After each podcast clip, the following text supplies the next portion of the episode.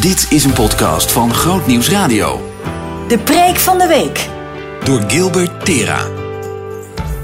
Straks gaan we luisteren naar de verkondiging. Het licht laat zien. Het licht laat ons ook van alles zien. We gaan erover lezen in Lucas 1. We lezen vanaf vers 76. En daar staat: En jij, mijn kind, jij zult genoemd worden profeet van de Allerhoogste. Want voor de Heer zul je uitgaan om de weg voor hem gereed te maken. En om zijn volk bekend te maken met hun redding door de vergeving van hun zonde.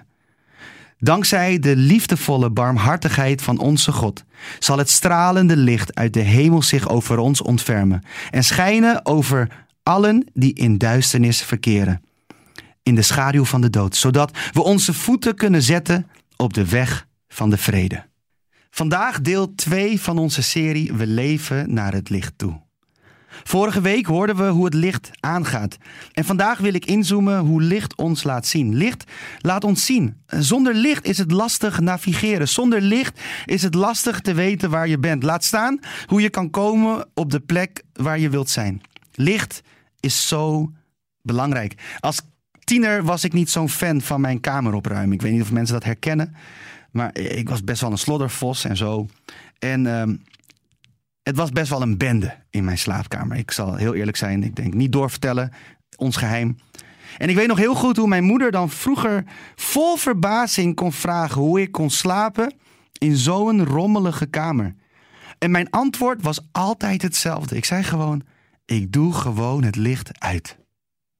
Weet je, licht laat ons zien en het toont ons de staat van ons leven. Het liet mij de staat van mijn kamer zien en ik kon rust krijgen als het licht uitging. Licht confronteert ons met de zooi in ons leven. Het laat ons zien dat er opgeruimd moet worden. Het laat ons zien dat wij ons moeten bekeren. Maar belangrijker nog, het laat ons zien dat wij Gods genade nodig hebben. Iedere dag opnieuw. Als licht iets doet in mijn leven, is het wel dat het mij behoedt voor hoogmoed. Hoe meer ik van Gods licht in mijn leven ervaar, hoe meer ik van Zijn licht zie, hoe meer ik in Zijn licht mag wandelen, des te meer ik merk hoe afhankelijk ik ben van Zijn genade, Zijn liefde en Zijn trouw, iedere dag opnieuw. En wanneer ik denk aan iemand die in de Bijbel gebruikt werd om het licht aan te doen, dan is het wel Johannes de Doper.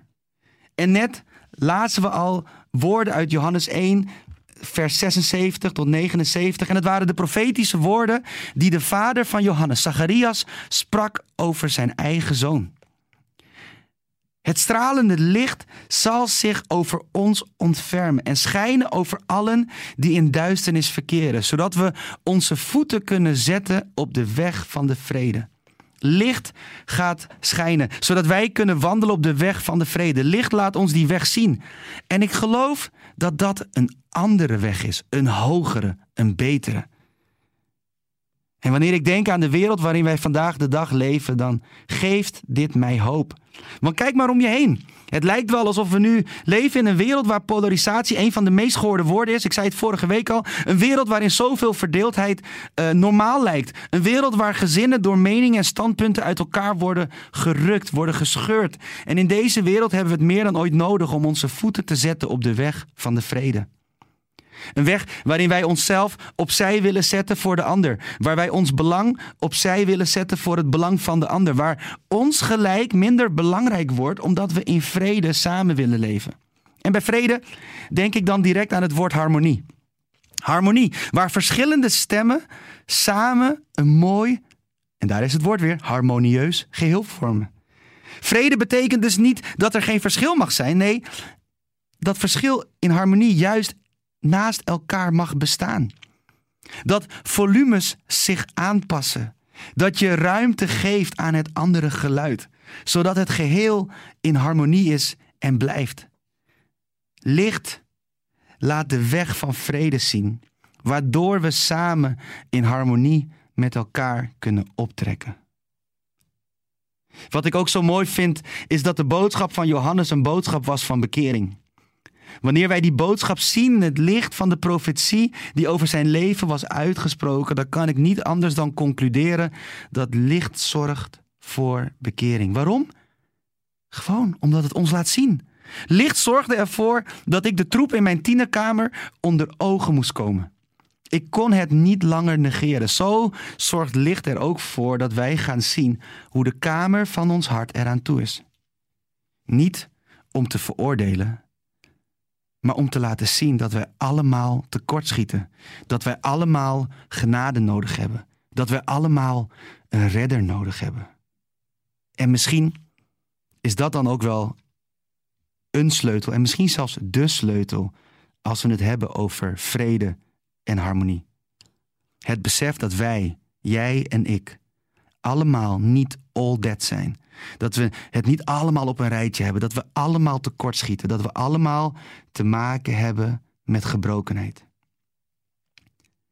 Vanuit dat besef kunnen wij hopelijk ook wat genadiger zijn naar de ander.